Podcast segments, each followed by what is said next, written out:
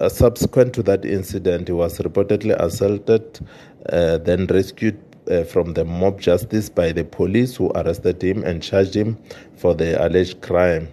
Due to uh, the injuries that he sustained, he was taken to a nearby hospital. It was during this time when he somehow escaped an incident which uh, is still being criminally and departmentally investigated by the police.